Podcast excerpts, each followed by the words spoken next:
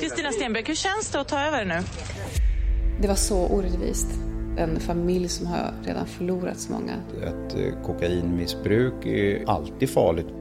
De har växt upp i en av Sveriges mäktigaste och rikaste familjer.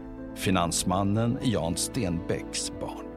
Kristina, Hugo, Sophie och Max. Och så Felix, den okända sonen, som länge var en hemlighet även för sina syskon.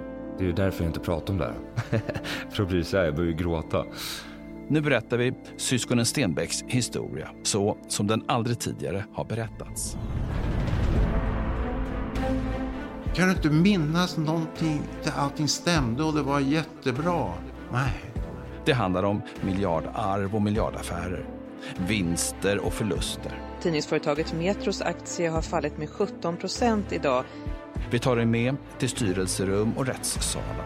Här kommer Stenbecksarvingen och mångmiljardären Hugo Stenbeck till Stockholms tingsrätt. Till en lyxbåt på Bahamas, en knarkarkvart på Östermalm och Sophie Stenbecks vardagsrum i Florida. I just immediately felt like I was gonna faint or throw up.